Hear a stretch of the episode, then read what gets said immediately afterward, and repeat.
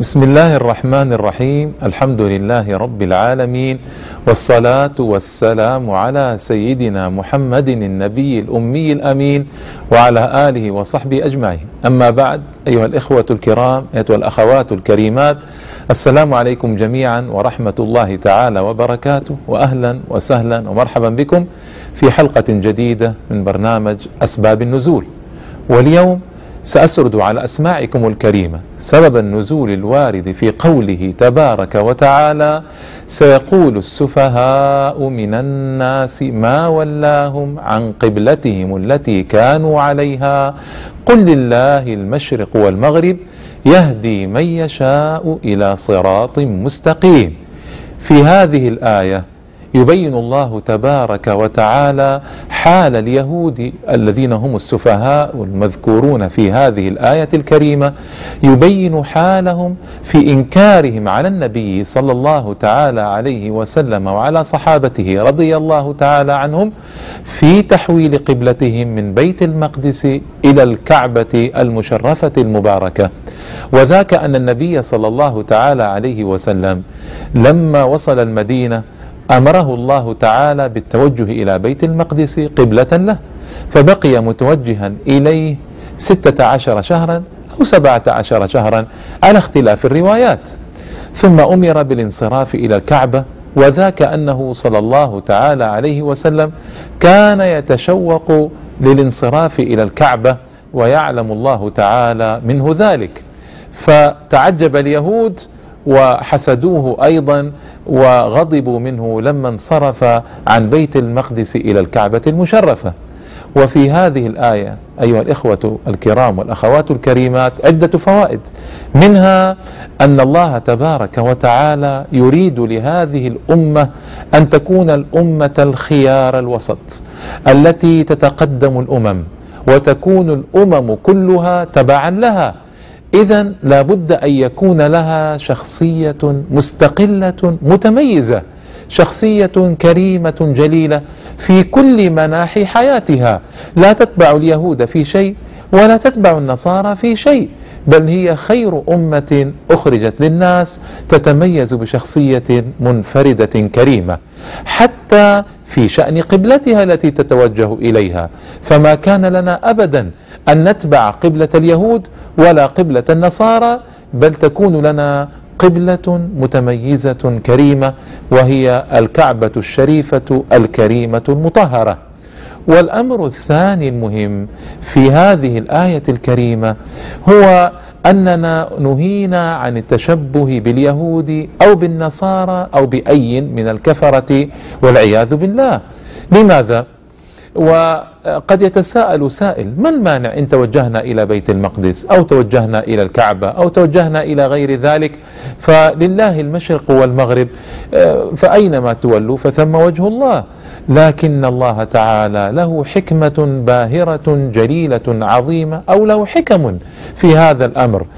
منها والله أعلم هو أن يكون للأمة الشخصية المتميزة كما ذكرت في الفائدة الأولى وأن تبتعد الأمة عن التشبه بأي من الأمم قبلها. لماذا أيها الإخوة والأخوات؟ لماذا نهينا عن التشبه؟ التشبه مصيبة كبيرة وذلك أن الإنسان إذا تشبه بقوم صار منهم اتبعهم أحبهم أحب منهجهم وطريقتهم أحب سلوك ما هم عليه وأحب أن يقتدي بهم. لذلك نهينا تماما عن التشبه باليهود والنصارى فيما هو من شعارهم وفيما هو دال على شخصيتهم. لذلك اليوم نرى من الخطر الكبير أن يتشبه شبابنا وشاباتنا بالغربيين. وذلك أننا نشاهد في أسواقنا أو بعض أسواقنا ومجامعنا وشوارعنا نشاهد الشباب وقد لبس قمصانا عليها صور لا ينبغي أن يلبس مثلها ولا ينبغي أن يضع مثلها على صدره أو على ظهره أو على لباسه أو على حقيبته. أو في غرفة نومه أو في غرفة نومها. هذا نشاهده. لماذا لا ينبغي؟ لأن الشباب هم دائما يتطلعون إلى قدوة يتبعونه وإلى قدوة يسلكون سبيله وطريقه. فإن اقتدوا بأولئك آه، الغربيين أو الشرقيين الذين هم بعيدون عن منهج الإسلام وعن تصورات الإسلام وعن كمال الإسلام ماذا يحدث؟ تزرع محبتهم في قلوب الشباب والشابات. وهذه قضية خطيرة جدا لأن الشاب والشابة إذا أحب أو إذا أحبت شخصا من الناس فإنه يؤدي بهم تلك المحبة إلى سلوك طريقهم والعياذ بالله. وقد تؤدي بهم إلى ما هو أصعب وأشد وأقسى من ذلك هو تؤدي بهم إلى المحبة محبة أولئك الأقوام والتأثر شيئا فشيئا بطريقتهم ومنهجهم والانسلاخ شيئا فشيئا عن منهج الإسلام وعن دين الإسلام. لذلك هنا أيها الإخوة والأخوات مكمن الخطر. وعلى الوالد وعلى الوالدة أن يتنبها لذلك مبكرا. فلا ينبغي أن يحصل خلط بين منهج الإسلام ومنهج غير الإسلام في أي شيء من شؤون الحياة في أي شأن من شؤون الحياة. مهما كان ذلك الشأن صغيرا فإنه يبدأ صغيرا ثم يتدرج إلى أن يصير كبيرا والعياذ بالله. وقديما قالت العرب ومعظم النار من مستصغر الشرر. والأمر الثالث المهم والأخير في فوائد أو في الفوائد المستقاة من سبب النزول في هذه الآية الكريمة هو أن إبراهيم عليه أفضل الصلاة والسلام جد نبينا صلى الله تعالى عليه وسلم هو الذي رفع الكعبة على القواعد التي بنيت عليها قديما. وهو الذي بناها. هو وإسماعيل عليهما أفضل الصلوات والتسليم. فلما كان الأمر كذلك كنا نحن أحق بالتوجه لقبلة أبينا إبراهيم. وذلك أن الله تعالى أخبر في محكم التنزيل بقوله جل من قائل ما كان إبراهيم يهوديا ولا نصرانيا ولكن كان حنيفا مسلما وما كان من المشركين.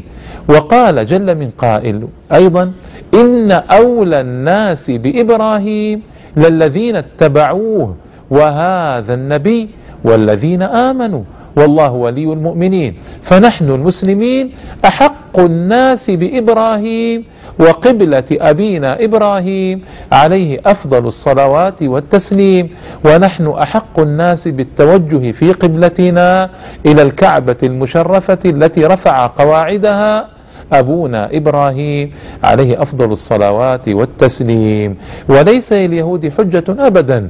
هم ليسوا على دين إبراهيم حيث قطع الله تعالى أمانيهم بذلك. فقال ما كان إبراهيم يهوديا ولا نصرانيا ولكن كان حنيفا مسلما وما كان من المشركين. فيا أيها الإخوة الكرام وأيتها الأخوات الكريمات هذه قبلة جليلة عزيزة كريمة شريفة مطهرة خصنا الله تعالى بها دون الأمم وأكرمنا تعالى بها حيث صرنا خير أمة أخرجت للناس. فينبغي معرفة عظمة هذه القبلة الشريفة ومعرفة حقها علينا والاهتمام بشأنها والاهتمام بالصلاة إليها صلاة حسنة عظيمة جليلة كريمة فيها محافظة على الأركان والواجبات والسنن والمندوبات. جعلنا الله تعالى وإياكم محسنين في كل شؤوننا وأحوالنا إنه ولي ذلك والقادر عليه. وصل اللهم وسلم وبارك على سيدنا محمد النبي الأمين وعلى آله وصحبه أجمعين. وإلى اللقاء في حلقة قادمة من أسباب النزول. إن شاء الله تعالى والسلام عليكم ورحمة الله تعالى وبركاته.